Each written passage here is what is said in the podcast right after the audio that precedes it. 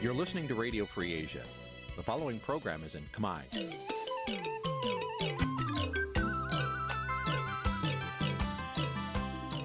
នេះជាកម្មវិធីផ្សាយ Vuthu Azizi Serai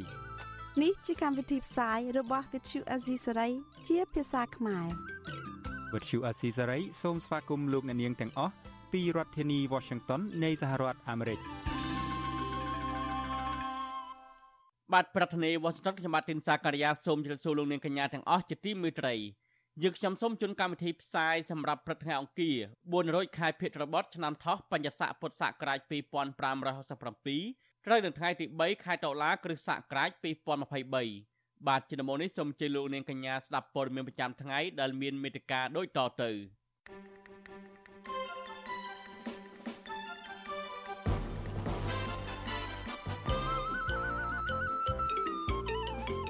បាយការណ៍អន្តរជាតិបង្ហាញថាសាកលវិទ្យាល័យនៅកម្ពុជាមិនជាប់ចំណាត់ថ្នាក់អន្តរជាតិនោះទេអង្គការសហប្រជាជាតិថាកម្ពុជាស្ថិតនៅចំណោមប្រទេសឆោបបោកតាមអនឡាញនឹងការជួញដូរមនុស្សនិវិភាគថាការបាត់បង់ព័ត៌មានអំពីបញ្ហាអសន្តិសុខសង្គមមិនមែនជាដំណោះស្រាយទាក់ទាញភ្ញៀវទេសចរនោះឡើយសហគមន៍បាក់ភ្នំខេត្តក្រចេះអាងថាបរដ្ឋចំណាស្រុកសម្រុកកាប់ទន្ទ្រានដីព្រៃសហគមន៍ដោយសេរី រួមនឹងព័ត៌មានសំខាន់សំខាន់មួយចំនួនទៀត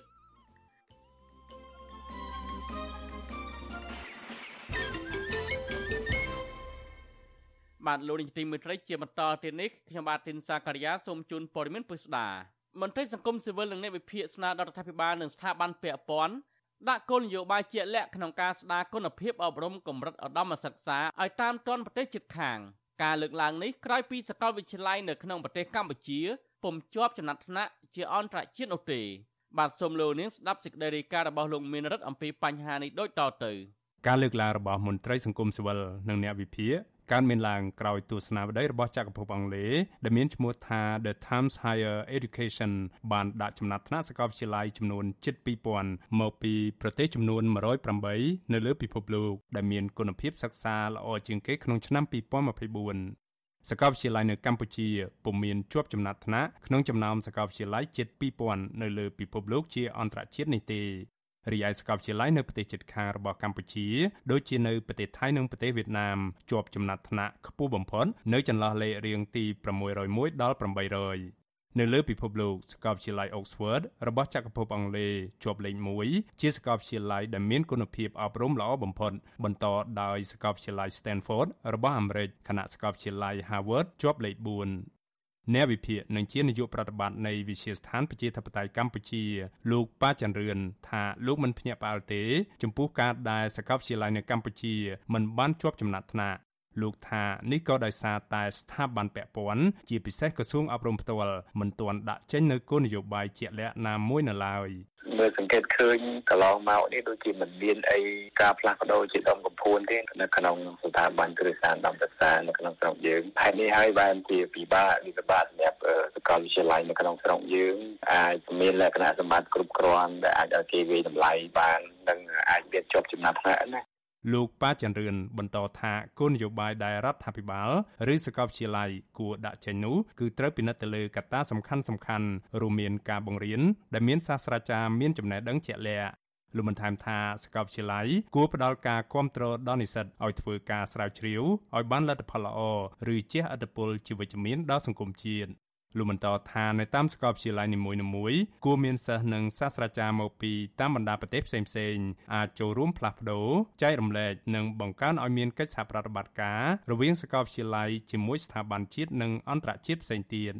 ចំណែកឯអ្នកប្រឹក្សាយោបល់ផ្នែកអភិវឌ្ឍផ្នត់គំនិតនិងការស្រាវជ្រាវលោកសេកសុជាតិយល់ឃើញថាសាកលវិទ្យាល័យនៅកម្ពុជា នៅមានចំណុចខ្វះខាតជាច្រើន ក៏ប៉ុន្តែចំណុចដែលមិនគួរកើតមានឡើងនោះលោកថាគឺការរដ្ឋបិទសេរីភាពនៃការសិក្សាពីចំណុចអវិជ្ជមាន ពីសំណាក់រដ្ឋាភិបាល ដូចជាការហាមឃាត់មិនឲ្យនិយាយរឿងរ៉ាវនយោបាយនៅក្នុងសាលារៀនជាដើមលោកសេកសុជាតិស្នើដល់រដ្ឋាភិបាលផ្ដល់សិទ្ធិសេរីភាពដល់សិស្សនិស្សិតដើម្បីឲ្យពួកគេអាចបង្ហាញពីសក្តានុពលរបស់ខ្លួនចូលរួមក្នុងការដោះស្រាយបញ្ហាសង្គម ផ្ដល់សិទ្ធិនិងសេរីភាពឲ្យមនុស្សនៅក្នុងការអប់រំអញ្ចឹងមនុស្សអាចយកបញ្ហាគ្រប់យ៉ាងរបស់សង្គង្គមយកមកសិក្សាហើយនៅពេលដែលសង្គមមានបញ្ហាកន្លែងណាគឺអ្នកសិក្សាអ្នកស្រាវជ្រាវអាចយកវាមកធ្វើជាប្រធានបទហើយគាត់អាចស្វែងរកមធ្យោបាយល្អល្អមានគុណភាពដើម្បីមានភាពចូលសម្រាប់ផ្ដល់ជូនទៅរដ្ឋាភិបាលវិញណា វិសុវអាស៊ីស្រីមិនអាចតាក់ទងណែនាំពាក្យក្រសួងអប់រំយុវជននិងកីឡាលោកកាន់ពុទ្ធិដើម្បីសាកសួរជុំវិញរឿងនេះបាននៅឡើយទេនៅថ្ងៃទី2ខែតុលាទស្សនវិស័យរបស់ប្រទេសអង់គ្លេសដែលមានឈ្មោះថា The Times Higher Education កំណត់ចំណាត់ថ្នាក់សាកលវិទ្យាល័យនីមួយៗដោយវាតម្លៃផ្ដោតលើគុណភាពនៃការបង្រៀនបរិយាកាសស្រាវជ្រាវគុណភាពស្រាវជ្រាវឧស្សាហកម្មនិងទស្សនវិស័យជាអន្តរជាតិខ្ញុំបានមេរិត Visual C ស្រីពីរដ្ឋធានី Washington បាទលោកនាងជាទីមេត្រីនៅខេត្តបន្ទាយមានជ័យឯនោះវិញបរិរងគ្រោះគម្រោងផ្លិតប្រទេសភ្លើងម្នាក់នៅខេត្តបន្ទាយមានជ័យបានចេញតវ៉ាដល់លៀបមុខដោយទឹកថ្នាំពណ៌ខ្មៅដៃកាន់បាដាឈោតវ៉ាទាមទារសំណងនៅខាងមុខសាលាក្រុងប៉ោយប៉ែតជាលើកទី123កាលពីថ្ងៃទី2ដុល្លារបរិរងគ្រោះលោកឆេងប៊ុនហាក់ប្រាប់វិទ្យុអាស៊ីសេរីកាលពីថ្ងៃទី2ដុល្លារថាមូលហេតុដែលលោកតវ៉ានៅមុខសាលាក្រុងតែម្នាក់ឯងនេះ គឺបណ្ដាលមកពីអាញាធរពុំទាន់បានទូទាត់សំណងជូនពួកគាត់នៅឡើយលោកឆេងហាក់បន្តថាលោកបានស្នើសុំទាមទារសំណងជាង100ដងទៅហើយប៉ុន្តែលោកទទួលបានត្រឹមតែជាការសន្យាខ្យល់ពីអាជ្ញាធរមូលដ្ឋានទៅវិញលោកបានស្នើសុំកិច្ចអន្តរាគមន៍ពីក្រសួងមហាផ្ទៃដែរកាលពីខែឧសភាកន្លងទៅហើយក្រសួងមហាផ្ទៃបានចេញលិខិតជូនអភិបាលខេត្តបន្ទាយមានជ័យកាលពីខែកក្កដាដើម្បីដោះស្រាយទូទាត់សំណងតាមសំណើរបស់ពលរដ្ឋរងគ្រោះ ប៉ុន្តែអាជ្ញាធរខេត្តមិនបានដោះស្រាយជូននៅឡើយ។ក្តីសង្ឃឹមរបស់ខ្ញុំខ្ញុំត្រូវមានតែក្រសួងមហាផ្ទៃទេដែលគាត់មានសិទ្ធិក្នុងការសម្រេចរឿងហ្នឹងហើយឲ្យគាត់នឹងមានការស៊ើបអង្កេតរឿងហ្នឹងព្រោះអីពាក្យពាន់នឹងអំពើពុករលួយច្រើនណាស់កັບកេងតាំងពីលុយអញ្ចឹងគម្រោងការអភិវឌ្ឍមួយមួយសបាយនឹងការអភិវឌ្ឍក្នុងនាមខ្ញុំប្រជាពលរដ្ឋខ្ញុំសបាយក្នុងការអភិវឌ្ឍប៉ុន្តែយល់លេះអាការអភិវឌ្ឍហ្នឹងពុករលួយនៅពីក្រោយហ្នឹងសម្បើមវិទ្យុអសិរ័យពុំអាចតកតងអភិបាលខេត្តបន្ទាយមានជ័យលោកអ៊ុំរិត្រី និងអភិបាលក្រុងប៉ោយប៉ែតលោកគៀតហុលដើម្បីសំសួរអំពីបញ្ហានេះបន្ថែមបានទេកាលពីថ្ងៃទី2ដុល្លារគម្រោងសាងសង់ផ្លូវរថភ្លើងនៅកម្ពុជាឧបត្ថម្ភថវិកាដោយធនាគារអភិវឌ្ឍអាស៊ី ADB និងថវិកាបដិភាគរបស់រដ្ឋាភិបាល សាងសង់ផ្លូវដែកចំនួន2ខ្សែគឺពីភ្នំពេញទៅក្រុងប្រស័យហនុនិងពីភ្នំពេញទៅក្រុងប៉ោយប៉ែតខេត្តឧត្តរមានជ័យគម្រោងនេះប៉ះពាល់ដល់ផ្ទះប្រជាពលរដ្ឋ4000ផ្ទះក្នុងនោះផ្ទះ1000ខ្នងត្រូវរើចេញ ពលរដ្ឋអះអាងថាពលរដ្ឋប្រមាណជា40%នៅមិនទាន់ទទួលបានសំណងដី1ឡូនិងថវិកាជាង1000ដុល្លារនៅឡើយទេពលរដ្ឋស្នើដល់ក្រសួងមហាផ្ទៃចាត់ឲ្យមានក្រុមអធិការកិច្ចដើម្បីចុះមកសិក្សាផ្ដល់សំណងដល់ពលរដ្ឋដែលនៅមិនទាន់ទទួលបានសំណងនៅឡើយនេះបាឡូណានីងកញ្ញាប្រិមម្នាក់ស្ដាប់ជាទីមេត្រី ក្រោយពីមានជំនួបរវាងនាយករដ្ឋមន្ត្រីហ៊ុនម៉ាណែតនិងអនុរដ្ឋមន្ត្រីការបរទេសស្ដីទីរបស់អាមេរិកអ្នកស្រី Victoria Nuland នៅបូរី New York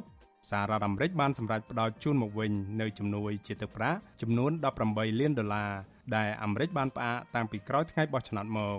ទោះយ៉ាងណាអាមេរិកនៅតែជំរុញឲ្យកម្ពុជាគោរពសិទ្ធិមនុស្សបើកលំហសិទ្ធិបុរដ្ឋនិងនយោបាយឡើងវិញដដែលតាមរយៈជំនួបបន្ទាប់រវាងឯកអគ្គរដ្ឋទូតអាមេរិកនិងលោកហ៊ុនម៉ាណែតនៅក្រុងភ្នំពេញការវិវត្តជាវិជ្ជមានមួយបានកើតឡើង ដែលនោះគឺការសម្រេចផ្ទេរសកម្មជនការពារសិទ្ធិមនុស្សល្បីឈ្មោះនិងជាមេធាវីខ្មែរអមេរិកាំងគឺកញ្ញាសេងធីរីពីពន្ធនាគារដាច់ស្រយាលនៅខេត្តព្រះវិហារមកពន្ធនាគារនៅក្រុងភ្នំពេញវិញ ទន្ទឹមនឹងការវិវត្តជាវិជ្ជមាននេះតើរដ្ឋាភិបាលរបស់លោកហ៊ុនម៉ាណែតគួរធ្វើយ៉ាងណាដើម្បីស្ដារទំនាក់ទំនងរវាងកម្ពុជានិងសហរដ្ឋអាមេរិកឲ្យល្អប្រសើរឡើងវិញបាទនេះគឺជាប្រធានបទដែលយើងនឹងលើកយកមកពិភាក្សានៅក្នុងនេតិវេទិកាអ្នកស្ដាប់វិទ្យុអាស៊ីសេរីនៅយប់ថ្ងៃអង្គារទី3ខែតុលានេះ ប៉ះសិនបើលោកអ្នកនាងចាប់អារម្មណ៍ចង់ចូលរួមដាក់ជាសំណួរឬបញ្ចេញមតិយោបល់សូមអញ្ជើញលោកអ្នកនាងដាក់ឈ្មោះនិងលេខទូរស័ព្ទរបស់លោកអ្នកនាងនៅក្នុងប្រអប់ខ្ទង់ comment នៃការផ្សាយផ្ទាល់របស់ Visual Asia ស្រីនៅលើបណ្ដាញសង្គម Facebook និង YouTube នៅពេលនោះក្រុមការងាររបស់យើងនឹងតាក់ទងទៅលោកអ្នកនាងវិញដើម្បីចូលរួមដាក់ជាសំណួរនិងបញ្ចេញមតិនៅក្នុងនេតិវេទិកាអ្នកស្ដាប់ Visual Asia ស្រីបាទសូមអរគុណ បាទលោកនាយកទីមេត្រីតកតងនឹងសកម្មជនគណបកប្រឆាំងកំពុងតែជាប់ឃុំម្នេះវិញប្រពន្ធសកម្មជនគណបកប្រឆាំងទទូចដល់តុលាការឲ្យដោះលែងប្តីឲ្យមានសេរីភាពឡើងវិញដើម្បីអាចជួបជុំក្រុមគ្រួសារក្នុងពិធីបុណ្យភ្ជុំបិណ្ឌនាពេលខាងមុខនេះមន្ត្រីសិទ្ធិមនុស្សយល់ឃើញថារដ្ឋាភិបាលគួរតែពិចារណាដោះលែងសកម្មជននយោបាយទាំងអស់ឲ្យមានសេរីភាពឡើងវិញបាទប្រធានាធិបតីវ៉ាស៊ីនតោនលោកនៅវណ្ណរិនរាយការណ៍ព័ត៌មាននេះស្របពេលដែលប្រជាពលរដ្ឋខ្មែរកំពុងតែជួបជុំគ្រួសារក្នុងពិធីបុណ្យកាន់បិណ្ឌ និងពិធីបុណ្យភ្ជុំបិណ្ឌប្រពន្ធសកម្មជនគណៈបកប្រឆាំងលោកវឿងសំណាង បានត្រឹមតែយកចំណីអាហារលុយកាក់បន្តិចបន្តួច ទៅសួរសុខទុក្ខប្តីនៅពន្ធនាគារទៅវិញ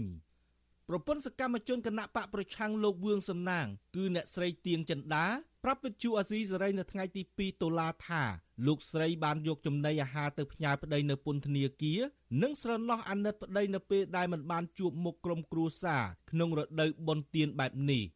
លោកស្រីបង្ហាញភាពសោកស្ដាយនឹងការឈឺចាប់នៅពេលក្រុមគ្រួសារគេដតីបាននាំគ្នាទៅវត្តជុំគ្រួសារក្នុងឱកាសបុណ្យកាន់បិណ្ឌក៏ប៉ុន្តែលោកស្រីបែរជាយួរមហូបអាហារមកពន្ធនាគារវិញ។លោកស្រីបន្ថែមថាលោកស្រីនៅតែបារម្ភពីស្ថានភាពជំងឺរបស់ប្តីលោកស្រីដោយសារតែគាត់នៅមិនទាន់ធូរស្រាលនៅឡើយ។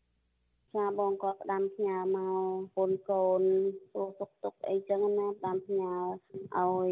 ប្រពន្ធកូននឹងរក្សាសារសុខភាពនៅខាងក្រៅនឹងចឹងទៅហើយគាត់សោកស្ដាយដែលក៏មិនបានចូលរួមកម្មវិធីបន់ជុំបន់ជុំគ្នាគ្រួសារឆ្នាំណាក៏ដូចឆ្នាំណាចឹងណាដោយសារប្តីខ្ញុំគាត់ជាប់ចិត្ត2ឆ្នាំហើយអញ្ចឹងគាត់សោកស្ដាយដែលគាត់អត់បាននៅជុំគ្រួសារហើយគាត់សង្ឃឹមថានឹងមានឱកាសបានចេញមក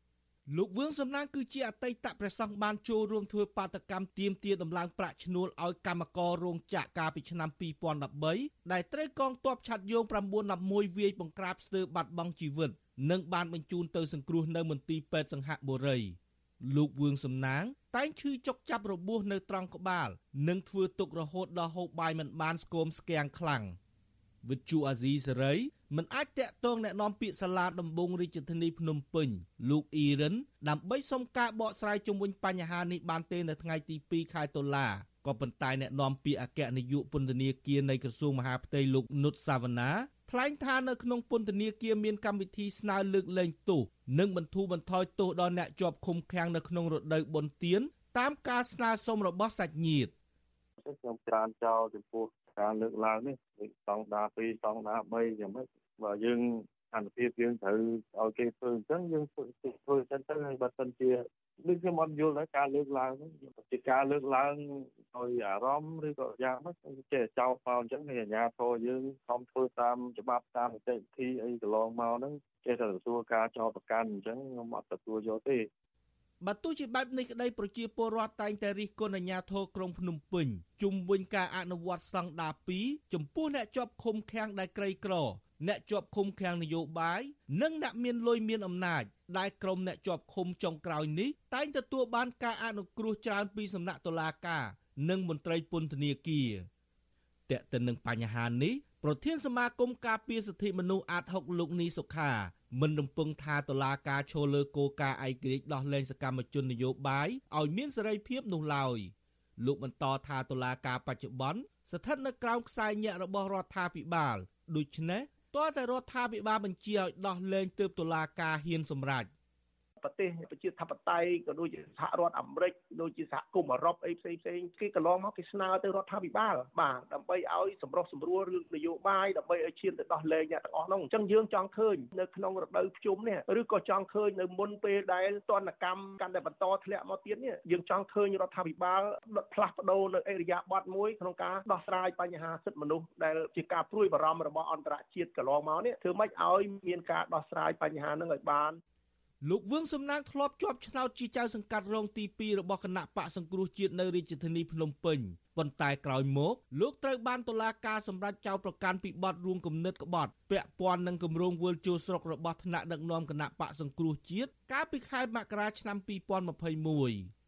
លោកត្រូវបានអាជ្ញាធរថៃសហការជាមួយអាជ្ញាធរកម្ពុជា ចាប់បញ្ជូនខ្លួនទៅដាក់ក្នុងពន្ធនាគារនៅប្រទេសកម្ពុជា កាលពីថ្ងៃទី9តុលាឆ្នាំ2021 សាលាដំបងរាជធានីភ្នំពេញកាលពីខែធ្នូឆ្នាំ2022បានផ្តន្ទាទោសលោកវឿងសំណាងព្រមទាំងសកម្មជននឹងថ្នាក់ដឹកនាំគណៈបកប្រឆាំងចំនួន37នាក់ដាក់ពន្ធនាគារក្នុងម្នាក់ម្នាក់ពីចន្លោះ5ទៅ7ឆ្នាំពីបទរួមគំនិតក្បត់ពាក់ព័ន្ធនឹងគម្រោងវល់ចូលស្រុករបស់ថ្នាក់ដឹកនាំគណៈបកសង្គ្រោះជាតិកាលពីដើមខែមករាឆ្នាំ2021ដោយឡែក កាលពីថ្ងៃទី27ខែកញ្ញាសាលាដំបងរាជធានីភ្នំពេញបានបើកសវនាការលើលោកវឿងសំណាងពាក់ព័ន្ធនឹងបទចោទរួមគំនិតក្បត់និងញុះញង់បង្កឲ្យមានភាពវឹកវរធ្ងន់ធ្ងរដល់សង្គមជាមួយនឹងលោកសំរងស៊ីនិងថ្នាក់ដឹកនាំរបស់គណៈបកប្រឆាំងនៅក្រៅប្រទេសដទៃទៀតតុលាការនឹងប្រកាសសារក្រមសំណុំរឿងនេះនៅថ្ងៃទី9ខែតុលាខាងមុខ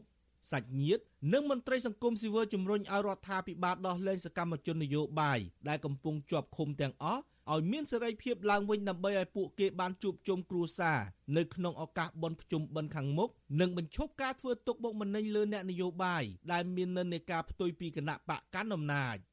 ខ្ញុំបាទនៅវណ្ណរិន With Chu Azizi Serai ពីរដ្ឋធានី Washington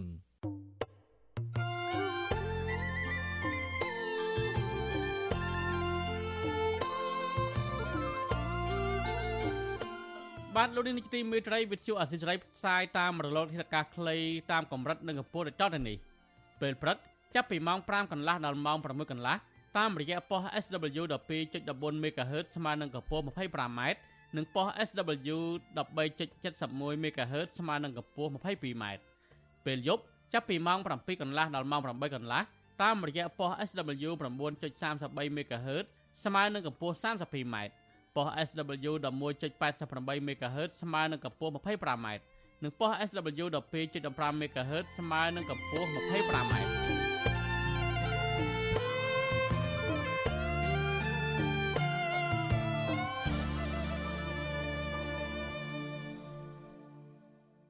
បានលោកនាយកទីមេត្រីតកតងនៅរឿងអសន្តិសុខនៅកម្ពុជាវិញនិ វិភាគថាការបិទបាំងព័ត៌មានពីបញ្ហាអសន្តិសុខសង្គមមិនមែនជាដំណោះស្រាយឲ្យមានភ្ញៀវទេសចរកាន់តែច្រើននោះឡើយពួកគេលើកឡើងថាអាជ្ញាធរគួរតែទប់ស្កាត់កុំឲ្យកើតមានបញ្ហាអសន្តិសុខសង្គមដើម្បីទាក់ទាញភ្ញៀវទេសចរជាជាងទប់ស្កាត់មិនឲ្យមានការផ្សព្វផ្សាយអំពីបញ្ហាដែលកើតមានឡើងរួចទៅហើយនោះ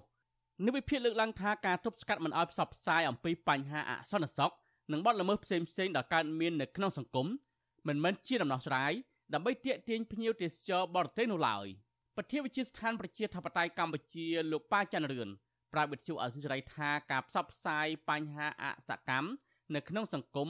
មានសារៈសំខាន់ណាស់ពីព្រោះនៅពេលទទួលបានព័ត៌មានគ្រប់ជ្រុងជ្រោយប្រជាពលរដ្ឋនឹងអាចចូលរួមដោះស្រាយនិងទប់ស្កាត់បញ្ហានៅក្នុងសង្គមបានលោកបន្ថែមថាទស្សនៈមិនអោយជំរុញផ្សព្វផ្សាយពីបញ្ហាអសកម្មនៅក្នុងសង្គមមិនមែនជាផ្លូវឆ្ពោះទៅរកដំណោះស្រាយល្អនោះឡើយ។ លោកចាត់ទុកថាគំនិតកាយកប់ត្រឡប់ជន់បាត់បង់បញ្ហាដូចនេះនឹងអាចធ្វើឲ្យបញ្ហារីកកាន់តែធំឡើងហើយផ្ទុះដូចភ្នំភ្លើងនៅថ្ងៃណាមួយលោកប៉ាចរឿនបន្តថាមានតែការបង្ហាញការពិតនិងការអំពាវនាវឲ្យចូលរួមដោះស្រាយទប់ស្កាត់ពីគ្រប់ភាគីពាក់ព័ន្ធតែប៉ុណ្ណោះទើបអាចដោះស្រាយបញ្ហានៅក្នុងសង្គមនិងទាក់ទាញភ្ញៀវទេសចរបរទេសមកលេងនៅកម្ពុជាប្រកបដោយប្រសិទ្ធភាព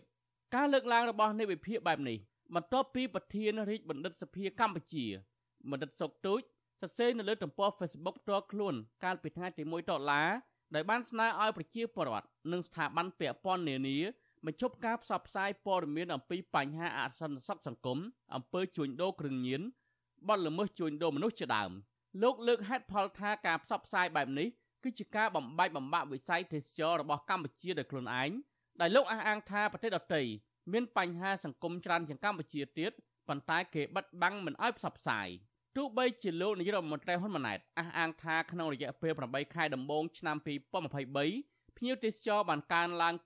250%ធៀបនឹងឆ្នាំមុនដោយកម្ពុជាទទួលបានភ្ញៀវទេសចរអន្តរជាតិចំនួន3លាន5សែននាក់ក្តីប៉ុន្តែសមាគមមគ្គុទ្ទេសក៍ទេសចរនិងមន្ត្រីសង្គមស៊ីវិលមួយចំនួនអះអាងថាចំនួនភ្ញៀវទេសចរបរទេសថយចុះទៅវិញជាក់ស្ដែងសន្តាគារនិងផ្សារទំនើបទំនើបមួយចំនួននៅក្រុងសៀមរាបបានបិទទ្វារផ្អាកដំណើរការអាជីវកម្ម ក្នុងពេលដល់អាជីវករនៅតំបន់ទេសចរភ ieck ច្រើនត្អូញត្អែអំពីការបាត់បង់ចំណូលដោយសារតែមិនសូវមានភ្ញៀវទេសចរបរទេសមកលេងនៅកម្ពុជាជុំវិញនឹងរឿងនេះប្រតិបត្តិការវិស័យទេសចរលោកអាងឆាលប្រាប់វិទ្យុអាស៊ីសេរីកាលពីថ្ងៃទី2តុលាថាមូលហេតុសំខាន់3យ៉ាងដែលបណ្ដាលឲ្យកម្ពុជាបាត់បង់ភ្ញៀវទេសចរនោះគឺទី1កម្ពុជាមិនបានផ្សព្វផ្សាយឲ្យបានទូលំទូលាយអំពីតំបន់ទេសចរទៅកាន់ពិភពលោកទី2សម្បត្តិទស្សនាប្រាសាទបុរាណនៅខេត្តសៀមរាបមានតម្លៃថ្លៃ រហូតដល់37ដុល្លារក្នុងមួយថ្ងៃ និងទី3បញ្ហាសេវាយកប្រាក់ក្រៅផ្លូវការនៅពេលវាយតែមទឹកការនៅច្រកចូលអន្តរជាតិលោកបន្ថែមថាការផ្សព្វផ្សាយព័ត៌មានបញ្ហាអសន្តិសុខនៅក្នុងសង្គមក៏ជារូបភាពមិនល្អដែរដែលអាចនាំឲ្យភ្ញៀវទេសចរបរទេសខ្លាចរអាមកលេងនៅកម្ពុជាប៉ុន្តែលោកមិនគាំទ្រគំនិតលាក់បាំងព័ត៌មានទាំងនោះឡើយអាធោគួរតែព្យាបាលចំណុចនឹងប្រសើរជាងទៅហាមឃាត់គេមិនឲ្យផុស កាលណាគេផុសវាឆ្លោះបង្កាពីសកម្មភាពសង្គមយើងជាស្រ័យវាអញ្ចឹងមែនប៉ុន្តែនៅពេលដែលភ្ញៀវគេបណ្ដោយលេងគេជួបដល់ជាទៅនឹងចោលឆក់គេមានការសោកស្ដាយកន្លងទៅថ្មីថ្មីនេះបើទោះបីជាសារព័ត៌មាននៅក្នុងស្រុកមានបានផ្សព្វផ្សាយព័ត៌មានអំពីការផ្សព្វផ្សាយជួញដូរមនុស្សនិងការឆបោកលបែងអនឡាញរបស់ក្រុមម៉ាហ្វ្យាចិនឲ្យបានទូលំទូលាយក្តីប៉ុន្តែភាពយន្តចិនរឿង No More Bet ដែលបានបង្ហាញពីឈុតឆាកឆបោកមនុស្សតាមអនឡាញប្រមាណជា1សែននាក់ នឹងអាចធ្វើឲ្យភ្ញៀវទេសចររារែកមកទស្សនានៅកម្ពុជាក្រសួងវប្បធម៌ថែមទាំងស្នើសុំកិច្ចអន្តរាគមន៍ពីស្ថានទូតចិនប្រចាំនៅកម្ពុជាឲ្យបញ្ឈប់ការផ្សព្វផ្សាយភាពយន្តនេះថែមទៀតផងដោយក្រសួងអះអាងថាកំពុងតែធ្វើឲ្យប៉ះពាល់ដល់ប្រយោជន៍និងមុខមាត់របស់ប្រទេសកម្ពុជាទោះបីជាយ៉ាងនេះក្តីក្រុមនៃវិភាគលើកឡើងថាការផ្សព្វផ្សាយព័ត៌មានអំពីបញ្ហាដែលកើតមាននៅក្នុងសង្គមគឺជារឿងដ៏ចាំបាច់ព្រោះក្រៅពីអាចធ្វើឲ្យអាជ្ញាធរពាក់ព័ន្ធចូលរួមដោះស្រាយ និងទប់ស្កាត់ហើយនោះប្រជាពលរដ្ឋក៏កាន់តែមានការប្រុងប្រយ័ត្នខ្ពស់ពីការឆបោក និងអំពើចោរកម្មផ្សេងៗផងដែរ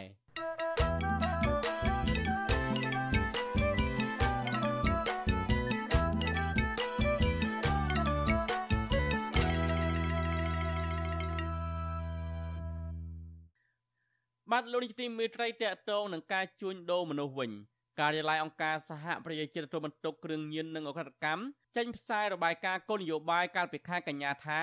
កម្ពុជាស្ថិតនៅក្នុងចំណោមប្រទេសនៅក្នុងតំបន់អាស៊ីអាគ្នេយ៍ដែលជាមជ្ឈមណ្ឌលសម្រាប់បោកប្រាស់តាមអ៊ីនធឺណិតការជួញដូរមនុស្សដោយបង្ខំឲ្យធ្វើអក្រិតកម្មមន្ត្រីអង្គការសង្គមស៊ីវិលយល់ឃើញថាអាញាធរគួរតែទទួលស្គាល់របាយការណ៍របស់អង្គការសហប្រជាជាតិនិងស្នើសុំកិច្ចសហប្រតិបត្តិការជាអន្តរជាតិដើម្បីបង្ក្រាបអក្រិតជនទាំងនោះ បាទសូមលោកនាងស្ដាប់សេចក្តីរាយការណ៍របស់លោកមានរិទ្ធមួយទៀតអំពីរឿងនេះការិយាល័យអង្គការសហប្រជាជាតិទទួលបន្ទុកគ្រឿងញៀននិងអ ுக ្រិតកម្មហៅកាត់ថា UNODC ចេញផ្សាយរបាយការណ៍ថ្មីមួយកាលពីចុងខែកញ្ញាដែលបង្ហាញថាកម្ពុជាស្ថិតនៅក្នុងចំណោមប្រទេសទាំង3ក្នុងតំបន់អាស៊ីអាគ្នេយ៍រួមមានឡាវនិងមីយ៉ាន់ម៉ាឬភូមាដែលជាមជ្ឈមណ្ឌលសម្រាប់ការប្រព្រឹត្តអំពើឆបោកតាមអនឡាញនិងការជួញដូរមនុស្សដោយបង្ខំឲ្យធ្វើអ ுக ្រិតកម្ម ទម្រង់នៃអ ுக ្រិតកម្មទាំងនេះគឺតាមរយៈការផ្សព្វផ្សាយជ្រើសរើសបុគ្គលិកជាមួយនឹងការសន្យាថានឹងទទួលបានប្រាក់ខែខ្ពស់និងអត្ថប្រយោជន៍ផ្សេងៗទៀតដើម្បីធ្វើការនៅតាមបនលបែងកាស៊ីណូសន្តាគារនិងនៅក្នុងតំបន់សេដ្ឋកិច្ចពិសេសដែលមិនសូវមានការគ្រប់គ្រង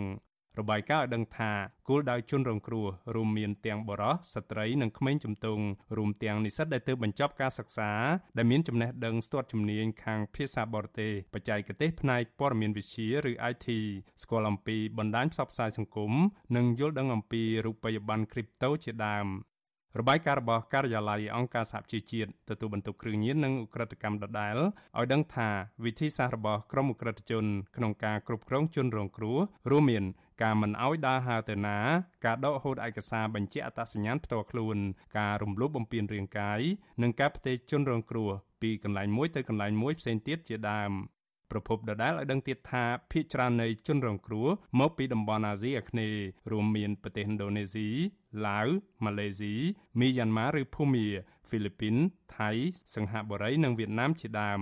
ក្រៅពីនេះក៏មានប្រទេសចិនដីគោកហុងកុងនិងតៃវ៉ាន់ជាដើម។ របាយការណ៍ដដែលឲ្យដឹងទៀតថាទីតាំងនៃការប្រព្រឹត្តបទល្មើសឆបោកតាមអនឡាញច្រើនបំផុតនៅកម្ពុជា គឺនៅខេត្តព្រះសីហនុនិងរាជធានីភ្នំពេញហើយទីតាំងផ្សេងទៀតមាននៅខេត្តកណ្ដាលកោះកុងប៉ោយប៉ែតពោធិ៍សាត់កំពតនិងនៅតំបន់ទន្លេបាសាក់ក្បែរព្រំដែនកម្ពុជាវៀតណាមនៅក្រុងបាវិតខេត្តស្វាយរៀងហើយទីតាំងដែលល្បីល្បាញជាងគេនោះគឺអគារខ្ពស់កប់ពពកមួយកន្លែង នៅឆ្នេរអូត្រេសក្នុងខេត្តព្រះសីហនុ ប្រធានមជ្ឈមណ្ឌលប្រជាពលរដ្ឋដើម្បីអភិវឌ្ឍនិងសន្តិភាពលោកយងកំឯងមានប្រសាសន៍ថារដ្ឋាភិបាលគួរតែមានវិធានការនិងបកស្រាយឲ្យបានច្បាស់លាស់ចំពោះការរកឃើញនេះ កម្មវិធីការរបស់ខ្លួនដែរឲ្យបានជាក់លាក់ដែរបាទបើមិនចឹងទេគឺគាត់ដែលយើងបកស្រាយការពារខ្លួនអត់គ្រប់គ្រាន់ទេបាទគឺត្រូវតែធ្វើការបង្ហាញអំពីភាពជាក់លាក់នៃផែនការពីវិទ្យាសាស្ត្រនៅក្នុងការបង្ក្រាបនៅការជួញដូរក៏ដូចជាអំពើឆោបបោកតាមអនឡាញអី វិសុវអាស៊ីស្រីនៅមិនទាន់អាចតាក់ទងរដ្ឋលេខាធិការក្រសួងមហាផ្ទៃនិងជាអនុប្រធានអចិន្ត្រៃយ៍នៃគណៈកម្មាធិការជាតិប្រយុទ្ធប្រឆាំងអំពើជួញដូរមនុស្សអ្នកស្រីជូប៊ុនអេងនិងប្រធានអង្គភិបអ្នកនាំពាក្យរដ្ឋាភិបាលលោកប៉ែនបូណាដើម្បីសុំការឆ្លើយតបជុំវិញរឿងនេះបាននៅឡើយទេនៅថ្ងៃទី2ខែតុលាចំណែកអ្នកនាំពាក្យក្រសួងមហាផ្ទៃលោកខៀវសុភ័ក្រមានប្រសាសន៍ថាលោកមិនអាចបកស្រាយបញ្ហានេះបានទេព្រោះលោកកំពុងសុំច្បាប់សម្រាប់ព្យាបាលជំងឺនៅក្រៅប្រទេស ទោះជាយ៉ាងនេះក្តីប្រធានផ្នែកប្រយុទ្ធប្រឆាំងការជួញដូរមនុស្សនិងទេសន្តប្រវេសនៃអង្គការសង្ត្រាល់លោកឌីថេហូយ៉ាបារម្ភដល់កេរ្តិ៍ឈ្មោះកម្ពុជានៅលើឆាកអន្តរជាតិនៅពេលកម្ពុជានៅមិនទាន់បានអនុវត្តច្បាប់ឲ្យមានប្រសិទ្ធភាពដែលបណ្ដោយឲ្យអ ுக ្រិតជន ប្រព្រឹត្តអ ுக ្រិតកម្មនៅក្នុងប្រទេសលោកបន្តថាបញ្ហានេះនឹងបណ្ដាលឲ្យប៉ះពាល់ធ្ងន់ធ្ងរដល់វិស័យទេសចរ លោកបានថែមទៀតថារដ្ឋាភិបាលត្រូវហ៊ានទទួលស្គាល់អ្វីដែលអង្គការសហប្រជាជាតិបានរកឃើញនិងស្នើសុំកិច្ចសហប្រតិបត្តិការដើម្បីបង្ក្រាបបទល្មើសទាំងនោះសិនជាយើងជាអ្នកជំងឺវាតតែយើងទទួលស្គាល់ថាយើងឈឺសិនជាគេឃើញថាយើងបានទៅពេកឬឆក់អីចឹងហើយយើងបដិសេធថាយើងអត់ពេកទេយើងយើងនឹងមិនមានចេតនាចង់បដោះសក់ឯង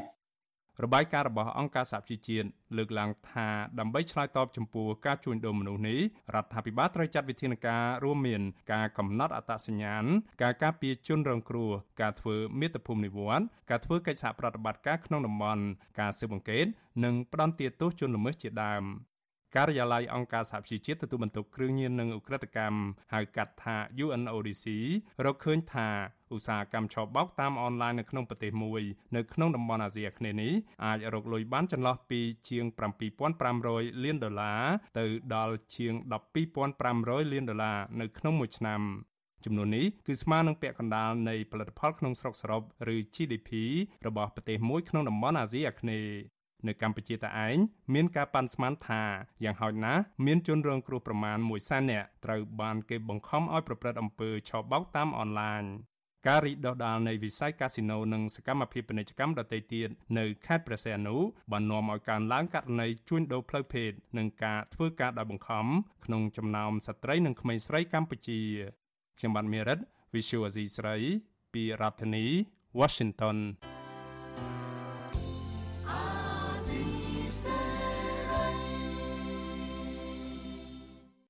បាទលោកនាយកទីមេត្រីតកតងនឹងសកម្មជនអង្គការមេដាធម្មជាតិត្រូវទៅទទួលពានរង្វាន់នៅក្រៅប្រទេសវិញឥឡូវនេះពួកគេមិនសមដោយបំណងនោះឡើយតុលាការក្រុងភ្នំពេញមិនអនុញ្ញាតឲ្យយុវជនចលនាមេដាធម្មជាតិ3នាក់ដែលជាប់បំរាមតុលាការនោះមិនឲ្យចាក់ចេញពីប្រទេសកម្ពុជា ទៅទទួលពានរង្វាន់អ្នកការពារសិទ្ធិមនុស្សនិងបរិស្ថានកម្រិតអន្តរជាតិនៅប្រទេសស៊ុយអែតនោះទេក្រុមយុវជនសោកស្ដាយចំពោះការសម្ដែងរបស់តុលាការបែបនេះ ដោយពួកគេលើកឡើងថាការសម្រេចនេះមិនអាយក្រិចនិងគ្មានយុត្តិធម៌ប្រធានអាជ្ញានៃអាយកាអមស្រុកដំបងរាជធានីភ្នំពេញលោកច្រឹងខ្មៅបានច្រានចោលសំណើរបស់យុវជនចលនាមេដាធម្មជាតិរួមមានកញ្ញាឡុងហ៊ុនធាកញ្ញាភួនកែវរស្មី និងលោកថនរដ្ឋាដែលបានដាក់ពាក្យស្នើសុំតុលាការដើម្បីសុំទៅទទួលពានរង្វាន់អន្តរជាតិនៅប្រទេសស៊ុយអែតការសម្រេចរបស់តុលាការនៅថ្ងៃទី2ខែតុលានេះចំពោះយុវជនទាំង3នាក់ ដែលបានស្នើសុំអនុញ្ញាតពីតុលាការទៅទទួលពានរង្វាន់លំដាប់ពិភពលោកបែជាលោកព្រះអាញាច្រឹងខ្មៅអះអាងថាគ្មានភាពចាំបាច់ទៅវិញការលើកឡើងបែបនេះបន្ទាប់ពីយុវជនមេដាធម្មជាតិទាំងនោះបាននាំគ្នាដាក់លិខិតស្នើសុំទៅតុលាការក្រុងភ្នំពេញកាលពីថ្ងៃទី29កញ្ញាដើម្បីសុំការអនុញ្ញាតពីតុលាការចាកចេញពីប្រទេសកម្ពុជាទៅទទួលពានរង្វាន់អ្នកការពារសិទ្ធិមនុស្សនិងបរិស្ថានកម្រិតអន្តរជាតិ Rai Livelihood នៅក្រៅប្រទេស សមាជិកយុវជនចលនាមេដាធម្មជាតិលោកថនរដ្ឋាថ្លែងថាពានរង្វាន់កិត្តិយសនេះត្រូវបានទទួលស្គាល់ជាអន្តរជាតិដោយមិនមែនប្រទេសណាងាយនឹងទទួលបាននោះឡើយ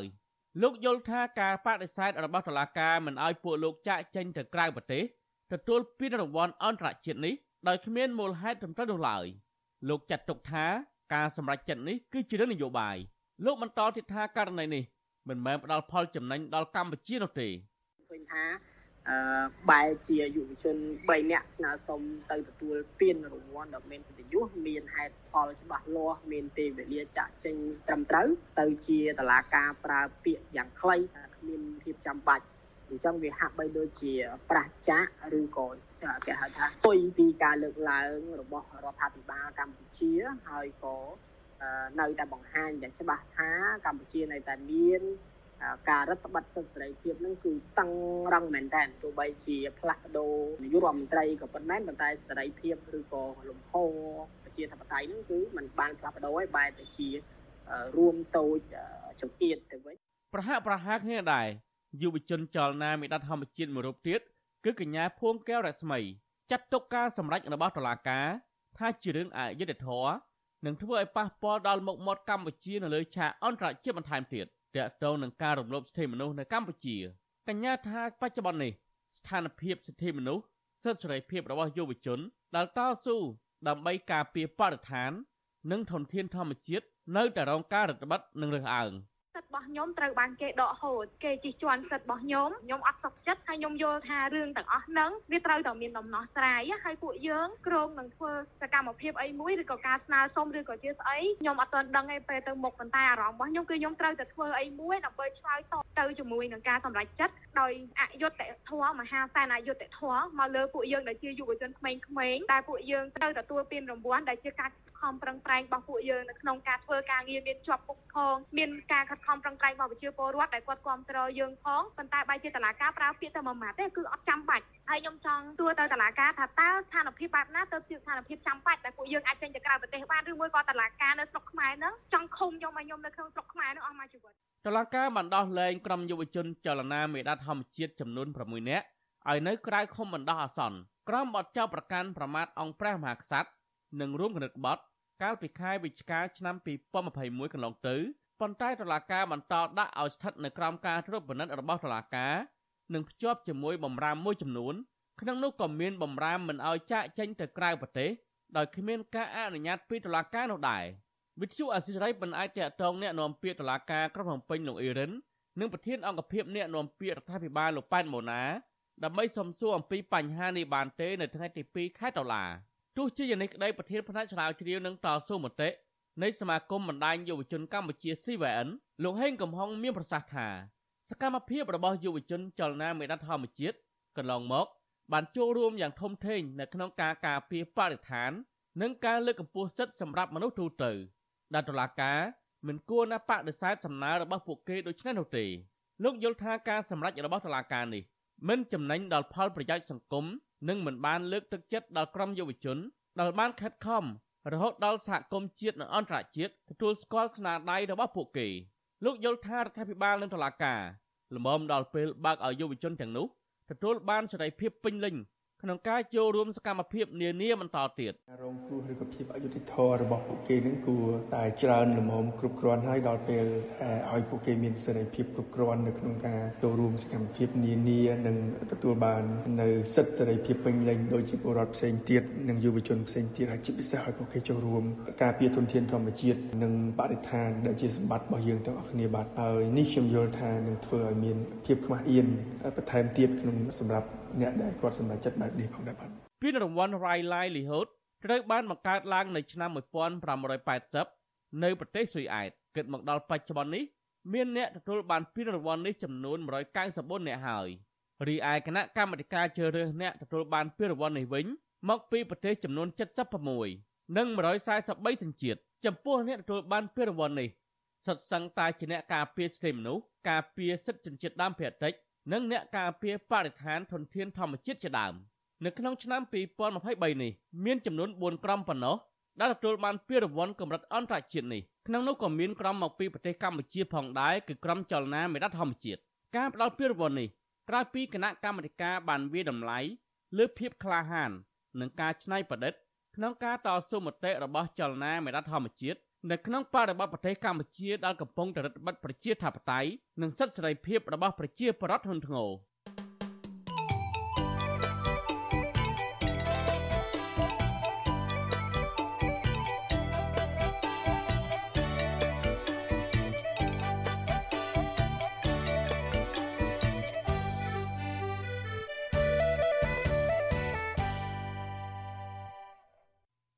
បាទលោកនាយកទីមេត្រីតេតតនការកាប់ព្រៃឈើនៅខេត្តក្រចេះឯណោះវិញដីព្រៃសហគមន៍ភ្នំបាក់នៅស្រុកសម្បូរខេត្តក្រចេះកំពុងរងការកាប់ទន្ទ្រានយកដីព្រៃធ្វើជាកម្មសិទ្ធិជាច្រើនហិកតាពីសំណាក់ប្រជាពលរដ្ឋចំណាក់ស្រុកនិងពលរដ្ឋដែលមានក្នុងបង្អែកជាមន្ត្រីរាជការរីឯអាជ្ញាធរមូលដ្ឋានវិញអះអាងថាពួកលោកតែងតែសហការជាមួយសហគមន៍ចោះល្បាតព្រៃជាបន្តបន្ទាប់ដោយគ្រាន់តែមិនទាន់ចាប់បានជនល្មើសទាំងនោះយកមកផ្តន្ទាទោសតាមច្បាប់តែប៉ុណ្ណោះ បាទសូមលោកនាងស្ដាប់សេចក្តីរាយការណ៍របស់អ្នកស្រីសុជីវីអំពីរឿងនេះប្រជាសហគមន៍ភ្នំបាក់នៅឃុំអូក្រៀងស្រុកសម្បូរខេត្តក្រចេះអះអាងថាក្រោយពីបោះឆ្នោតរួចមកសកម្មភាពកាប់ទន្ទ្រានដីព្រៃសហគមន៍ភ្នំបាក់បន្តកើតមានកាន់តែខ្លាំងឡើងពួកគេថាក្រុមជនល្មើសទាំងអស់មិនខ្លាចញញើតជាមួយប្រជាសហគមន៍នោះទេមិនតែប៉ុណ្ណោះក្រុមជនល្មើសទាំងនោះក៏មានអាវុធក្នុងដៃផងដែរ សហគមន៍បន្ថែមថាបើទោះបីជាពួកគាត់បានរាយការណ៍ទៅកាន់អាជ្ញាធរពាក់ព័ន្ធយ៉ាងណាក៏ដោយក៏អាជ្ញាធរមិនអើពើស្វែងរកជនល្មើសទាំងអស់នោះមកផ្ដន្ទាទោសតាមច្បាប់នោះដែរតំណាងសហគមន៍ភ្នំបាក់ស្ថិតនៅឃុំអូក្រៀងលោកអៀនសូរីប្រាប់វិទ្យុអាស៊ីសេរីនៅថ្ងៃទី2ខែតុលាថាសហគមន៍របស់លោកតែងតែចុះល្បាតខាត់ខ្លួន និងអប់រំក្រុមជនល្មើសទាំងអស់នោះជាបន្តបន្ទាប់ ឲ្យបញ្ឈប់សកម្មភាពកាប់ទន្ទ្រានដីព្រៃសហគមន៍មួយនេះតទៅទៀតប៉ុន្តែនៅពេលពួកគាត់ត្រឡប់មកដល់ភូមិវិញក្រុមជនល្មើសទាំងអស់នោះបន្តចូលទៅកាប់ទន្ទ្រានដីព្រៃឡើងវិញដដែលលោកបន្ថែមថាសហគមន៍បានស្នើទៅអាជ្ញាធរពាក់ព័ន្ធនិងមន្ត្រីជំនាញឲ្យចោះជួយការពារដីព្រៃសហគមន៍មួយនេះនិងស្វែងរកជនល្មើសមកអនុវត្តច្បាប់ឲ្យបានតឹងរឹងប៉ុន្តែអាជ្ញាធរពាក់ព័ន្ធទាំងអស់នោះហាក់គ្មានចំណាត់ការអ្វីជាដុំកំភួនទេ ទើបធ្វើឲ្យមានការកាប់ទន្ទ្រានដីព្រៃដោយសេរីបែបនេះ។ខ្ញុំចិត្តតែចង់មិនថាខ្ញុំដូចថាដូចកូនចៅអញ្ចឹងនោះដូចយើងធ្វើខ្លាំងទៅគេគេប្តឹងត្រូវស្រុកមកដល់ទៅជួបពីកាប់ការនេះទៅយើងមិនមិនស្វែងការញ៉ាទៅមេព្រៃមេខុបហើយបើទៅហើយមេថាគុំអ្នកញ៉ាទៅហើយមិនក៏មិនមិនមានកាប្រធានការមកធ្វើមិនជាទៅកាប់យ៉ាងម៉េចយ៉ាងម៉េចមិនឃើញមានប្រាប់អញ្ចឹងញ៉ាទៅហើយបាត់ជានេះទៅហើយបាត់ជារាប់រយអេកសារនៅក្នុងឃើញមិនធ្វើមិនជាចប់ដោយ វិទ្យុអាស៊ីសេរីមិនអាចតាក់ទងនាយផ្នែកខណ្ឌរដ្ឋបាលព្រៃឈើស្រុកសម្បូរខេត្តក្រចេះលោកកៅចំណានបានទេ នៅថ្ងៃទី2ខែតុលា ចំណែកឯមេឃុំអូក្រៀងលោកកៅបុផាដែលមកពីគណៈបកប្រជាជនកម្ពុជាថ្លែងការពីថាអាញាធរមូលដ្ឋាននិងមន្ត្រីពាក់ព័ន្ធបានសហការជាមួយសហគមន៍ធ្វើការចុះល្បាតជារៀងរាល់លើក ហើយអាញាធរក៏បានរឹបអូសយកសម្ភារៈរបស់ក្រុមជនល្មើសជាបន្តបន្ទាប់ដែរ ប៉ុន្តែអាជ្ញាធរមិនទាន់អាចចាប់ខ្លួនជនល្មើសទាំងនោះបានដោយសារតែពេលចុះទៅល្បាតក្រុមជនល្មើសបានរត់គេចខ្លួនបាត់អស់កន្លងមកយើងធ្វើកិច្ចសន្យាជាមួយជនល្មើសឥឡូវនេះយើងអត់មានកិច្ចសន្យាទៀតទេបទល្មើសទុនធានធម្មជាតិជួបចាប់ជួបបន្តិចជួបដកហូតទាំងក្រោយវិធានការកណ្ដៅគឺយើងអត់មានជួបទេយើងចាប់បានតែសម្ភារៈទេជនល្មើសយើងចាប់មិនបានទេមនុស្សរត់រត់តែយើងអត់មានអាវុធទេណាសូមជំរាបជូនអញ្ចឹងតើបានខត់ខ្លួនមនុស្សទេនៅទេនៅទេ ជុំវិញរឿងនេះមន្ត្រីសម្របសម្រួលគម្រោងនៃបណ្ដាញយុវជនកម្ពុជាលោកអូតឡាទីនយល់ឃើញថាដោយសារតែភាពយឺតយ៉ាវនៃការអនុវត្តច្បាប់និងការចុះទប់ស្កាត់របស់អាជ្ញាធរពាក់ព័ន្ធបែបនេះទើបធ្វើឲ្យព្រៃសហគមន៍មួយនេះរងការកាប់ទន្ទ្រានដីព្រៃយកធ្វើជាកម្មសិទ្ធិដោយសេរីបែបនេះលើសពីនេះលោកថាក្រមជនល្មើសដែលបានប្រព្រឹត្តបទល្មើសសុទ្ធសឹងតែមានខ្នងបង្អែកជាមន្ត្រីរាជការ លោកបន្ថែមថាការបណ្តែតបណ្តោយមិនព្រមអនុវត្តច្បាប់ឲ្យបានតឹងរឹងទើបធ្វើឲ្យជនល្មើសទាំងនោះមិនខ្លាចញញើតចំពោះអាជ្ញាធរនិងសហគមន៍នឹងនៅតែបន្តកាប់ទន្ទ្រានបើទោះបីជាមានការចុះល្បាតញឹកញយយ៉ាងណាក្តី។ កន្លងទៅមន្ត្រីរាជរដ្ឋាភិបាលតែងតែព្យាយាមកិច្ចវេះមិនឆ្លើយតបឬក៏ធ្វើការបកស្រាយដើម្បីបង្វែរសាច់រឿងជាជាងបកស្រាយផ្ដល់ជាដំណោះស្រាយហើយនឹងជាជាងគឺបត់អន្តរកម្មនៅក្នុងការដោះស្រាយបញ្ហាផ្ទាល់តែម្ដងស្ទើរតែ90%ទៅហើយទៅរងនៅការយាយីរងនៅការកាប់ព្រៀនផ្លាញស្ទើរតែរាល់ថ្ងៃបាទថ្មីថ្មីនេះគឺមានការចូលទៅកាប់ព្រៀនជាបន្តបន្ទាប់ទៀត ដីព្រៃសហគមន៍ភ្នំបាក់មានផ្ទៃដីជាង7000ហិកតាត្រូវបានប្រជាពលរដ្ឋមូលដ្ឋានរួមគ្នាថែរក្សាចាប់តាំងពីឆ្នាំ2009រហូតដល់ឆ្នាំ2018ទើបក្រសួងកសិកម្មចុះបញ្ជីជាដីព្រៃសហគមន៍ការពារធម្មជាតិស្របច្បាប់ ប្រជាសហគមន៍អះអាងថាព្រៃសហគមន៍ភ្នំបាក់សម្បូរដើមឈើមានតម្លៃដូចជាបេងធ្នង់នាងនួនសុក្រំ និងឈើទាលជាដើមប៉ុន្តែនៅប៉ុន្មានឆ្នាំចុងក្រោយនេះដើមឈើកម្រទាំងនេះ ត្រូវបានជនល្មើសលួចកាប់ស្ទើរតែទាំងស្រុងខណៈព្រៃនេះក៏មានសត្វព្រៃជាច្រើនប្រភេទកំពុងរស់នៅដូចជាស្វាក្ងោកជ្រូកព្រៃនិងឆ្លុះជាដើមច្បាប់ស្តីពីព្រៃឈើនិងច្បាប់ស្តីពីតំបន់ការពារធម្មជាតិកំណត់ថាការគាស់រករៀនដីព្រៃឆ្កាដុតនិងឈូសឆាយដីព្រៃដើម្បីយកធ្វើជាកម្មសិទ្ធិគឺជាបទល្មើសឧក្រិដ្ឋដែលជនប្រព្រឹត្តល្មើសនឹងត្រូវផ្ដន្ទាទោសដាក់ពន្ធនាគារពី5ឆ្នាំដល់10ឆ្នាំ និងទោសពិន័យជាប្រាក់ពី10លានរៀលទៅ150លានរៀលចំណែកមន្ត្រីពាក់ព័ន្ធធ្វេសប្រហែសឬមិនគោរពច្បាប់នេះត្រូវទទួលវិន័យរដ្ឋបាលនិងត្រូវចោទប្រកាន់ចំពោះពុកតុលាការហើយបើមន្ត្រីទាំងនោះសំគំនិតត្រូវផ្ដន្ទាទោសដោយជនប្រព្រឹត្តដែរនាងខ្ញុំសុជីវីវិទ្យុអាស៊ីសេរីពីរដ្ឋធានី Washington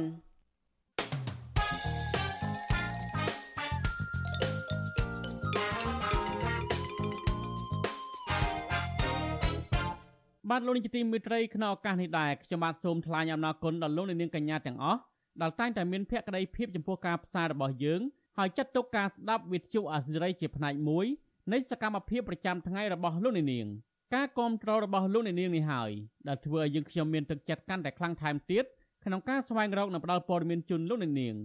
មានអ្នកស្ដាប់មានអ្នកទស្សនាកាន់តែច្រើនកាន់តែធ្វើឲ្យយើងខ្ញុំមានភាពស្វាហាប់មោះមុតជាបន្តទៅទៀតយើងខ្ញុំសូមអរគុណទុកជាមុន ហើយសូមអញ្ជើញលោកនាងកញ្ញាចូលរួមជំរុញឲ្យសកម្មភាពផ្តល់ព័ត៌មានរបស់យើងនេះកាន់តែជោគជ័យបន្ថែមទៀតលោកនាងអាចជួយយើងខ្ញុំបានដោយគ្រាន់តែចុចចែករំលែកឬ share ការផ្សាយរបស់យើងនៅលើបណ្ដាញសង្គម Facebook និង YouTube ទៅកាន់មិត្តភ័ក្តិដើម្បីឲ្យការផ្សាយរបស់យើងបានទៅដល់មនុស្សកាន់តែច្រើន សូមអរគុណ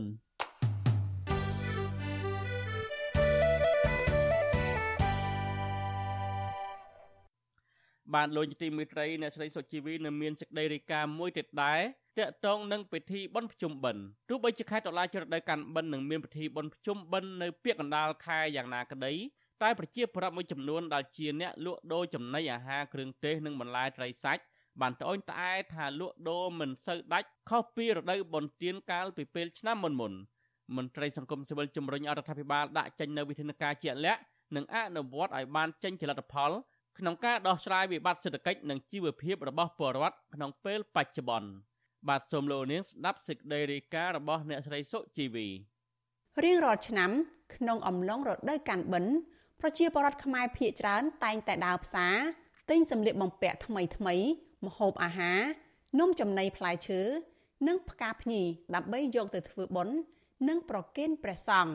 ប៉ុន្តែពិធីបុណ្យកាន់បិណ្ឌនារដូវវស្សាឆ្នាំនេះ ហាក់ខុសប្លែកពីឆ្នាំមុនមុន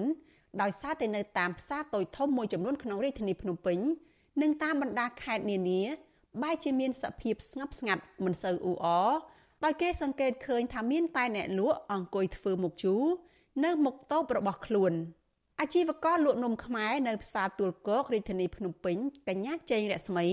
ប្រាប់វិទ្យុអាស៊ីសេរីកាលពីថ្ងៃទី2ខែតុលាថាបុណ្យកាន់បិណ្ឌឆ្នាំនេះខុសប្លែកពីរាល់ដង ដោយមិនសូវឃើញមានអ្នកបញ្ជាទិញនំអន្សមនិងនំចេកនោះទេខណៈកាលពីឆ្នាំមុនមុនកញ្ញាទទួលបានការកម្មង់ទិញតាំងតែពីមុនពេលកាន់បិណ្ឌកញ្ញាសង្កេតឃើញថាការលក់ដូរចាប់ផ្ដើមធ្លាក់ចុះចាប់តាំងពីក្រោយការបោះឆ្នោត ដោយកាលពីមុន ជាមធ្យម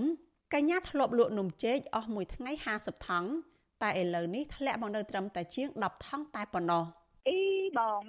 សុំឆ្លើយព្រៀនថាលក់អត់ដាច់ទេបើខ្ញុំមើលទៅតាមស្ថានភាពនៃការលក់ជាប្រចាំថ្ងៃរបស់ខ្ញុំទី1អ្នកទិញគាត់រត់ផ្ដៀតគាត់ទៅបើទៅផ្ដៀតលុយរបស់គាត់ចាកត្តាទី2គឺអត់មានអ្នកដើរផ្សារតែម្ដងមិនថាតែនំចំណីទេសំបីតែផ្លែឈើនិងផ្កាដែលជាគ្រឿងលម្អសម្រាប់បូជាថ្វាយព្រះនោះក៏លក់មិនសូវដាច់ដែរនៅឯផ្សារបឹងឈូកស្ថិតនៅក្នុងក្រុងបាត់ដំបងដែលជាផ្សារលក់បោះដុំធំជាងគេនោះមានគំនរផ្កានិងផ្លែឈើជាច្រើន ដែលអ្នកលក់បានបោះចោលដោយសារតែរលួយលក់មិនអស់អាជីវករលក់ផ្លែឈើនៅផ្សារបឹងឈូកលោកនៅឈិនត្អូញត្អែថាអតិថិជនភៀកច្រើនមិនសូវចំណាយលុយទិញផ្លែឈើចម្រុះយកទៅវត្តដោយកាលពីពេលមុនឡើយដោយអ្នកដើរផ្សារភៀកច្រើនទិញតែទៀនធូបផ្កាចេកនិងចំណីបន្តិចបន្តួចប៉ុណ្ណោះលោកបន្តថាអតិថិជនដែលដើរមកទិញអីវ៉ាន់នៅផ្សារបឹងឈូកម្នាក់ម្នាក់តែងតែត្អូញត្អែពីចំណូលធ្លាក់ចុះសឹងគ្រប់គ្នា ដោយពួកគេចំណាយលុយត្បិតត្បៀតជាងមុនមិនដឹងមិនដែរនោះគេស្ងាត់ដែរនោះឥឡូវអឺមិនដឹងមិនដែរឥឡូវដូចថាជីវភាពនៅនេះនឹងវាដូចជាមិនសូវចាយលុយដែរនោះឥឡូវមិនដូចមុនអូដូចតែគ្នាខ្ញុំអីអកុនលុយអង្ការអីដែរនោះមិនខុសពីអ្នកលក់ផ្លែឈើនៅផ្សារបឹងឈូកនោះទេអាជីវករលក់សាច់ជ្រូកនៅផ្សារតាខ្មៅខេត្តកណ្ដាលដែលអង្គុយស្ងាប់នៅលើគ្រែក្បែរគំនរសាច់ជ្រូកក៏ត្អូញត្អែលក់មិនដាច់ដូចគ្នាដែរ អាជីវករលក់សាច់ជ្រូកនៅផ្សារតាខ្មៅខេត្តកណ្ដាលលោកស្រីហុងនិរំពឹងថាបុណ្យកាន់បិណ្ឌឆ្នាំនេះនឹងមានអតិថិជនកំងទិញសាច់ជ្រូកច្រើនជាងថ្ងៃធម្មតា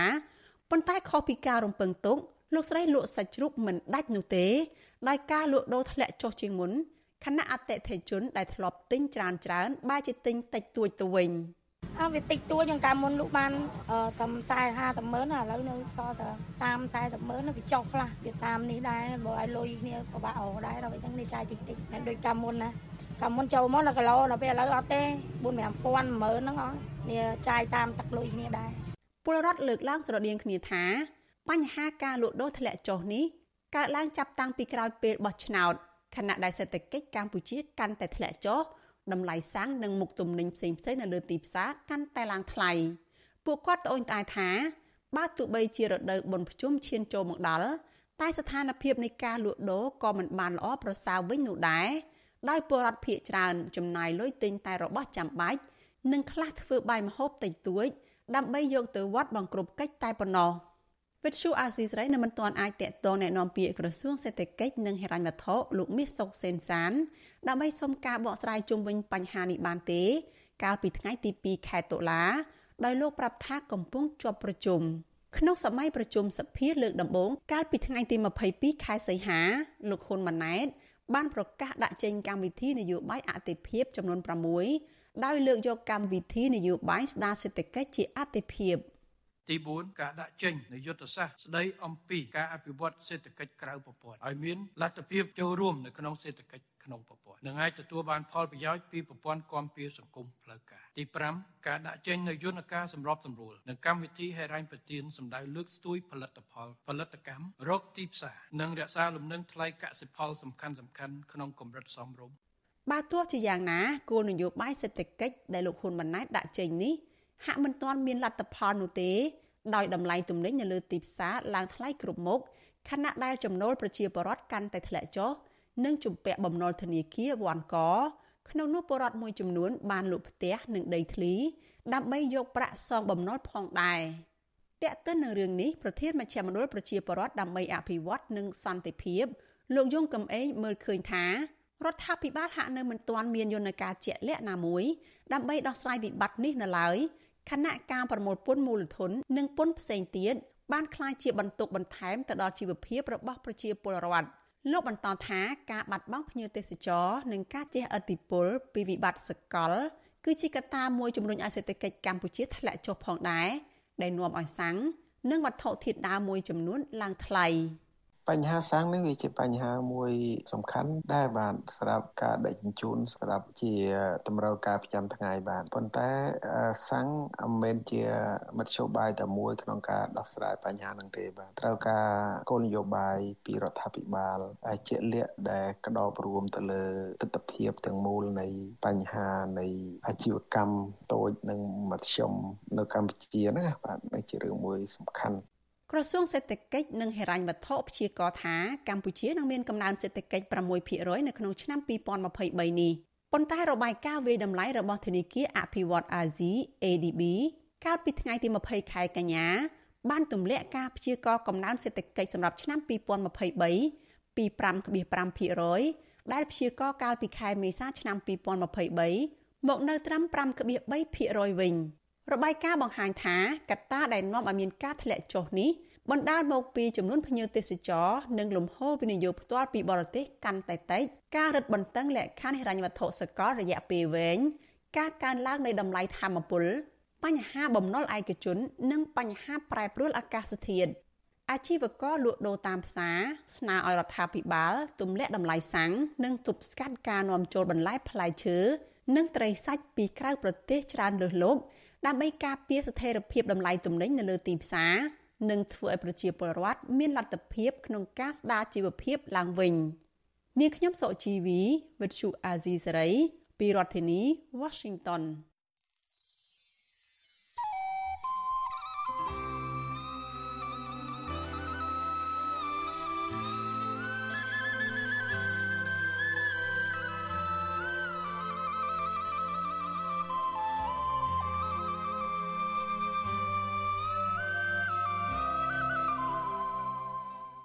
បបានលោកនាយទីមេត្រីតកតងនឹងការបាត់បង់ភ្ញៀវទេសចរនៅឯខេត្តសៀមរាបដែលជាតំបន់ទេសចរដ៏សំខាន់របស់កម្ពុជាវិញប្រតិបត្តិការវិស័យទេសចរនិងបរិវត្តនៅខេត្តសៀមរាបអះអាងថាការថយចុះភ្ញៀវទេសចរទៅទស្សនានៅក្រុងអង្គរធ្វើឲ្យផ្សារទំនើបសន្តាគារនិងកន្លែងផ្ដល់សេវាកម្មទេសចរច្រើនទៀតបិទទ្វារជាបន្តបន្ទាប់បណ្ដាលឲ្យបរិវត្តច្រើនពាន់នាក់បាត់បង់ការងារធ្វើ ពួកគាត់ប្រតិកម្មចំពោះរបាយការណ៍របស់ក្រសួងទេសចរនិងការអះអាងរបស់នាយករដ្ឋមន្ត្រីហ៊ុនម៉ាណែតដែលថាភ្ញៀវទេសចរកើនឡើងនោះគឺផ្ទុយពីការពិត បាទសូមលោកនាងស្ដាប់សេចក្តីរាយការណ៍របស់លោកជាតិចំណានអំពីរឿងនេះដូចតទៅទីក្រុងអង្គរខេត្តសៀមរាបដែលធ្លាប់សម្បូរទៅដោយភ្ញៀវទេសចរជាច្រើនកុះកធ្វើឲ្យប្រព័ន្ធសេដ្ឋកិច្ចក្នុងតំបន់ទេសចរប្រវត្តិសាស្ត្រមួយនេះរីកចម្រើនខ្លាំងក៏ប៉ុន្តែក្នុងរយៈពេលជាង4ខែចុងក្រោយនេះចំនួនភ្ញៀវទេសចរកាន់តែធ្លាក់ចុះខ្លាំង ចំណែកឯទស្សនវិជ្ជាតាមដងផ្លូវទៅប្រាសាទអង្គរវត្តកន្លែងលក់វត្ថុអនុស្សាវរីយ៍អាហារដ្ឋានផ្សារទំនើបនិងផ្សាររាត្រីដ៏ល្បីនៅក្នុងខេត្តសៀមរាបក៏ស្ងប់ស្ងាត់ដែរប្រតិបត្តិការវិស័យទេសចរចាត់ទុកភាពស្ងប់ស្ងាត់នេះបានរុញច្រានឲ្យជីវភាពរបស់ពួកគាត់កាន់តែលំបាកគ្មានលទ្ធភាពរកប្រាក់បង្វិលសងធនាគារនិងអ្នកខ្លះទៀតត្រូវបង្ខំចិត្តចំណាក់ស្រុកធ្វើការនៅក្រៅប្រទេសរីឯសន្តាគារនិងផ្ទះសំណាក់ជាច្រើនកន្លែងបានបិទស្លាកលក់ឬជួលហើយខ្លះទៀតត្រូវបិទទ្វារ ដោយបង្ខំចិត្តកាត់បន្ថយបុគ្គលិកជាច្រើនអ្នកប្រតិបត្តិការវិស័យទេសចរលោកអាងឆាលហួសចិត្តនឹងរបាយការណ៍របស់ក្រសួងដែលផ្សាយថាភ្ញៀវទេសចរកើនឡើងគឺជារឿងមិនពិតនោះទេលោកថាមួយរយៈនេះលោកសង្កេតឃើញមានភ្ញៀវទេសចរតិចតួចប៉ុណ្ណោះហើយពួកគាត់ភ័យច្រើនបានចាយវេត្បិតត្បៀតណាស់លោកបន្ថែមថាថ្មីថ្មីនេះផ្សារទំនើបលាក់គីនិងផ្សារទំនើបអង្គរត្រេតនៅក្នុងក្រុងសៀមរាបបានបិទទ្វារហើយកន្លែងផ្ដល់សេវាកម្មទេសចរជាច្រើនកន្លែងទៀត ក៏ប្រឈមខ្លាំងដែរដោយសារតែខ្សត់ភ្ញៀវខ្ញុំមើលឃើញនៅអ្វីដែលវាផ្ទុយព្រោះអីប្រហែលខែខែទៅ2ខែចុងក្រោយនេះគឺមានភ្ញៀវទេហើយខ្ញុំទៅពីកាភ្ញៀវនៅបលៀនគឺភ្ញៀវភាគច្រើនគាត់គាត់ថា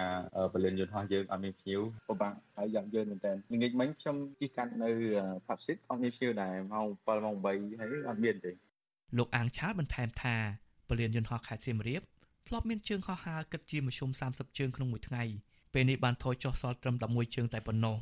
លោកបញ្ជាក់ថាជើងហោះហើរចំនួន11ជើងនេះគឺមកពីប្រទេសថៃវៀតណាមសង្ហបុរី និងម៉ាឡេស៊ីរីឯជើងហោះហើរមកពីប្រទេសចិនបានផ្អាកហើយប្រតិបត្តិការទេសចររូបនេះបារម្ភថាអ្នកដែលរងគ្រោះធ្ងន់ធ្ងរជាងគេគឺប្រជាពលរដ្ឋអ្នកលក់ដូរតូចតាចនិងអ្នកដែលជំពាក់លុយធនាគារលោកថាបច្ចុប្បន្នមានសន្តាគារតិចតួចប៉ុណ្ណោះនៅបន្តដំណើរការដោយសារតែម្ចាស់សន្តាគារទាំងនោះគឺជាអ្នកមានទ្រព្យច្រើនថ្មីថ្មីនេះលោកនាយករដ្ឋមន្ត្រីហ៊ុនម៉ាណែត បានថ្លែងថាកម្ពុជាបានកត់ត្រាចំនួនភ្ញៀវទេសចរអន្តរជាតិចំនួន3លាន5សែននាក់ក្នុងរយៈពេល8ខែដំបូងនៃឆ្នាំ2023ដែលកើនឡើងជាង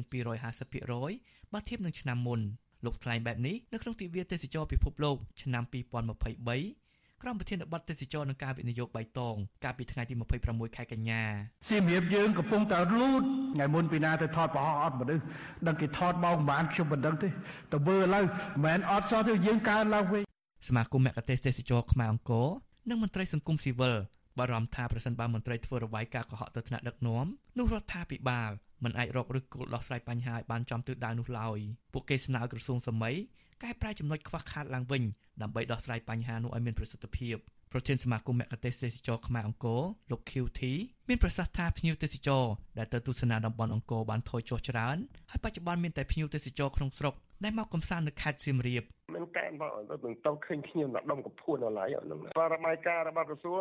កើនប៉ុន្តែនេះដែលប្រព័ន្ធបត្តិការទេសចរមិនកើនទេមិនតែពុកតែប៉ោនេះបងបានមួយខែ3 4ក្រុម3ក្រុមមកក្រុមខ្ញុំមកមួយក្រុម2ថ្ងៃបានតែ6ថ្ងៃនេះមកមកមួយខែមួយថ្ងៃ30ដុល្លារមួយខែ6បាន6ថ្ងៃបានតែ180ដុល្លារចែកគ្រប់ទេមួយខែបាន3ក្រុមក្នុងកាយនេះក៏ទេសចរបានតែមកទិញមកកស៊ីប៉ុណ្ណឹងឯងណា វិសុអសិសរីមិនអាចតាក់ទងរដ្ឋមន្ត្រីក្រសួងទេសចរលោកសុកសូកេន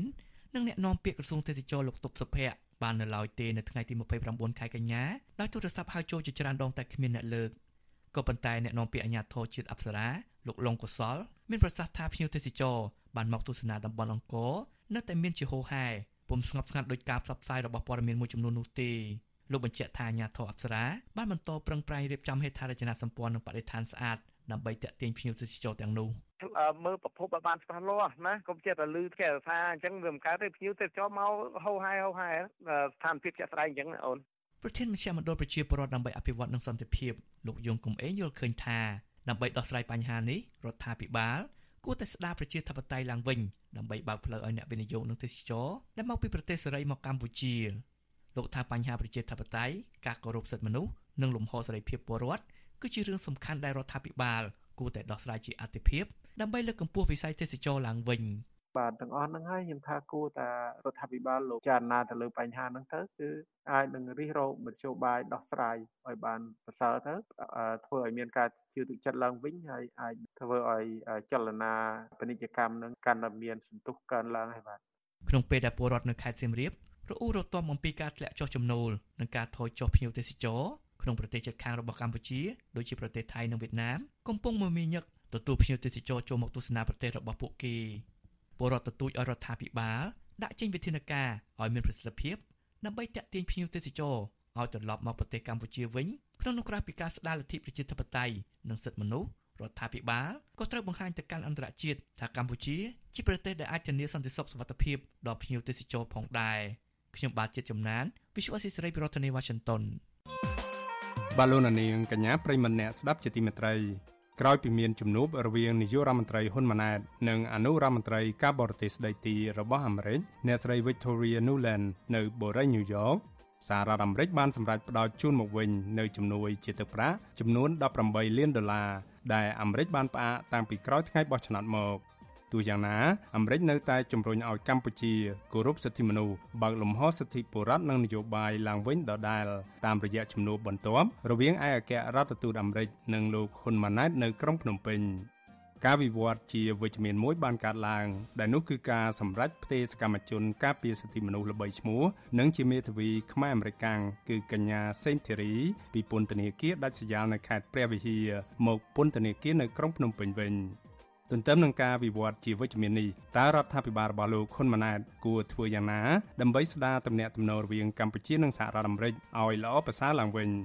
បាទនេះគឺជាប្រធានបទដែលយើងនឹងលើកយកមកពិភាក្សានៅក្នុងនេតិវេទិកាអ្នកស្ដាប់វិទ្យុអាស៊ីសេរីនៅយប់ថ្ងៃអង្គារទី3ខែតុលានេះ ប៉ះសិនបើលោកអ្នកនាងចាប់អារម្មណ៍ចង់ចូលរួមដាក់ជាសំណួរឬបញ្ចេញមតិយោបល់សូមអញ្ជើញលោកអ្នកនាងដាក់ឈ្មោះនិងលេខទូរស័ព្ទរបស់លោកអ្នកនាងនៅក្នុងប្រអប់ខ្ទង់ comment នៃការផ្សាយផ្ទាល់របស់ Visual Asia ស្រីនៅលើបណ្ដាញសង្គម Facebook និង YouTube នៅពេលនោះក្រុមការងាររបស់យើងនឹងតាក់ទងទៅលោកអ្នកនាងវិញដើម្បីចូលរួមដាក់ជាសំណួរនិងបញ្ចេញមតិនៅក្នុងនេតិវេទិកាអ្នកស្ដាប់ Visual Asia ស្រីបាទសូមអរគុណ បាទលោកនាងជាទីមេត្រីការផ្សាយរយៈពេល1ម៉ោងនៃវិទ្យុអាស៊ីសេរីជាភាសាខ្មែរនៅពេលនេះចប់តែប៉ុណ្ណេះយើងខ្ញុំសូមជូនពរដល់លោកនាងព្រមទាំងក្រុមគ្រួសារទាំងអស់ឲ្យជួបប្រកបតែនឹងសេចក្តីសុខចម្រើនរុងរឿងកុំបីឃ្លៀងឃ្លាតឡើយខ្ញុំបាទធីនសាករិយាព្រមទាំងក្រុមការងារទាំងអស់នៃវិទ្យុអាស៊ីសេរីសូមអរគុណនិងសូមជម្រាបលា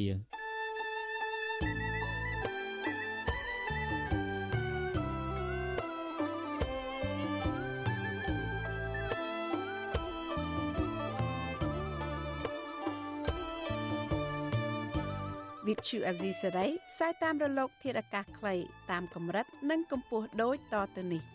ពេលព្រឹកចាប់ពីម៉ោង5កន្លះដល់ម៉ោង6កន្លះតាមរយៈប៉ុស SW 12.14 MHz ស្មើនឹងកម្ពស់ 25m និងប៉ុស SW 13.71 MHz ស្មើនឹងកម្ពស់ 22m